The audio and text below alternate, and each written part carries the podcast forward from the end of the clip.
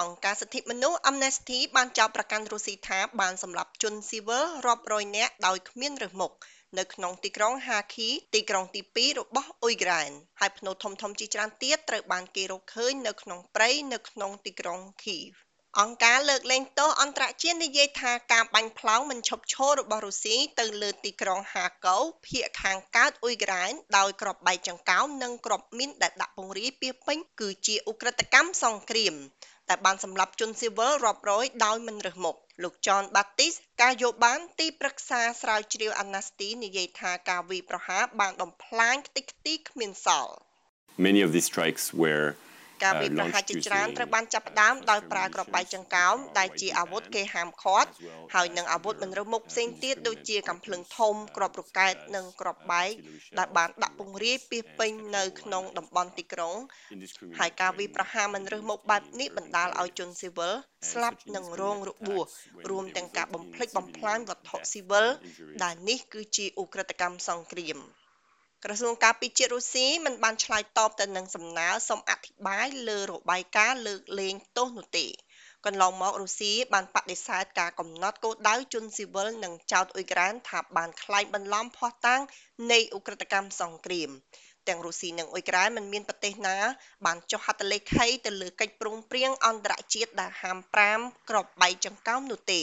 ប៉ុន្តែការប្រើប្រាស់អាវុធដោយមិនរើសមុខបែបនេះនៅតែជាឧក្រិដ្ឋកម្មសង្គ្រាម ប្រសិនបើការប្រើប្រាស់នោះដោយមិនបានគិតហើយសម្លាប់ ឬក៏បង្កគ្រោះថ្នាក់ដល់ជនស៊ីវិល លោក Galupin បានបន្ថែមថាកងកម្លាំងអ៊ុយក្រែនមិនមានកំហុសឡើយ។ uh, what we found in the context of this report អ្វីដែលយើងបានរកឃើញនៅក្នុងបរិបទនៃរបាយការណ៍នេះគឺកងកម្លាំងអ៊ុយក្រែនតែងតែធ្វើប្រតិបត្តិការនៅក្នុងលំនៅឋានជារឿយៗអ្នកដឹងទេ ជាឧទាហរណ៍ការដាក់ទីតាំងបំណែកកំភ្លើងធំនៅជិតអគារលំនៅឋានការធ្វើដូច្នេះគឺពួកគេបានបំពានច្បាប់មនុស្សធម៌អន្តរជាតិហើយពួកគេបានបង្កឲ្យមានការតាក់ទាញភ្លើងឆេះពីខាងរុស្ស៊ីដូច្នេះហើយវាបានបង្កគ្រោះថ្នាក់ដល់ជនស៊ីវិលជាច្រើន។ ទន្ទឹមនឹងនេះដែរក្រុមអ្នកស៊ើបអង្កេតអ៊ុយក្រែនបានគាស់សាកសពចំនួន7ចេញពីភ្នូបណ្ដោះអាសន្នចំនួន2នៅក្នុងព្រៃក្បែរទីក្រុង Kyiv កាលពីថ្ងៃទី13ខែមិថុនាវាគឺជាភ្នូដ៏ធំបំផុតចុងក្រោយគេដែលបានរកឃើញពីខែបន្ទាប់ពីកងកម្លាំងរុស្ស៊ីបានដកខ្លួនចេញពីតំបន់ជុំវិញរដ្ឋធានីអ៊ុយក្រែន។ សាកសពត្រូវបានគេរកឃើញតិចជាង 10 គីឡូម៉ែត្រពីទីក្រុងប៊ូឆា ដែលជាកន្លែងភ្នូរដ៏ធំដែលអ៊ុយក្រែនបាននិយាយថាមានសាកសពជាង400ត្រូវបានគេរកឃើញនៅក្នុងខែមេសា ដែលតាក់ទាញការថ្កោលទោសយ៉ាងធ្ងន់ធ្ងរពីអន្តរជាតិប្រធានប៉ូលីសប្រចាំតំបន់ខីលោកអាន់ដ្រីណេបៃតូនិយាយថាវានឹងត្រូវការពេលវេលាដើម្បីកំណត់អត្តសញ្ញាណសាកសពឲ្យបានច្បាស់លាស់ដោយសារស្ថានភាពនៃការរលួយរបស់សាកសព។ The first makeshift grave was already បណ្ដាអាសន្នដំបូងត្រូវបានត្រួតពិនិត្យដោយអ្នកជំនាញរួចហើយបុរសម្នាក់អាយុប្រហែលជា40ឆ្នាំស្លៀកសម្លៀកបំពាក់ធម្មតាគាត់មានរបួសពីរគាត់ត្រូវបានគេបាញ់ចំជង្គង់ដោយគ្រាប់កាំភ្លើងការបាញ់លើកទី2គឺចូលទៅក្នុងកន្លែងស្នាក់នៅរបស់គាត់នៅក្នុងភ្នូបណ្ដាអាសន្នទី2មានសាកសពបុរសម្នាក់ទៀតគាត់មានរបួសត្រង់ជង្គង់ហើយត្រូវបានគេបាញ់ចំក្បាលផងដែរយោងតាមការស៊ើបអង្កេតបឋមដែលផ្ដល់ដោយអ្នកស៊ើបអង្កេតមានសាកសពមនុស្ស3នាក់ទៀតនៅក្នុងភ្នូបណ្ដោះអាសន្ននោះនៅពេលនេះយើងនៅមិនទាន់ដឹងពីភេទរបស់ពួកគេទេ ហើយក៏មិនទាន់ដឹងអំពីមូលហេតុនៃការស្លាប់របស់ពួកគេដែរការវាយប្រហារតាមអាកាសបានវាយប្រហារតំបន់លំនៅឋានមួយក្នុងទីក្រុងបាក់ខ្មុតក្នុងតំបន់ដូណេសយោងតាមរបាយការណ៍បានឲ្យដឹងថាប្លុកផ្ទះល្វែងចំនួន3និងសំណង់ជាច្រើនទៀតត្រូវបានខូចខាត ហើយមនុស្ស3នាក់ទៀតបានរងរបួស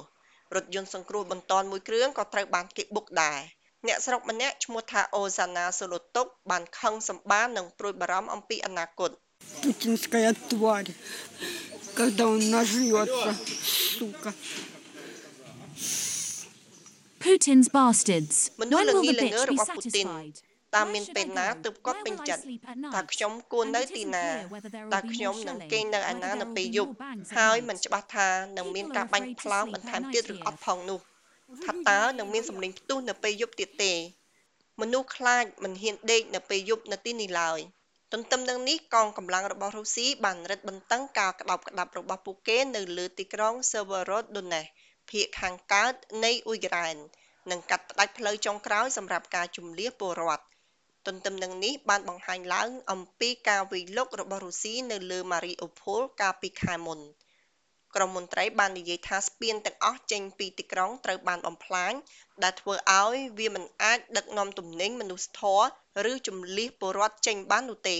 ប្រធានាធិបតីរបស់អ៊ុយក្រែន volodymyr zelensky មានប្រសាសន៍ថាវាជាស្ថានភាពគួរឱ្យខ្លាច ហើយតម្លៃមនុស្សនៃជម្លោះគឺខ្ពស់ណាស់ អត្ថបទនេះរៀបចំដោយ alan lee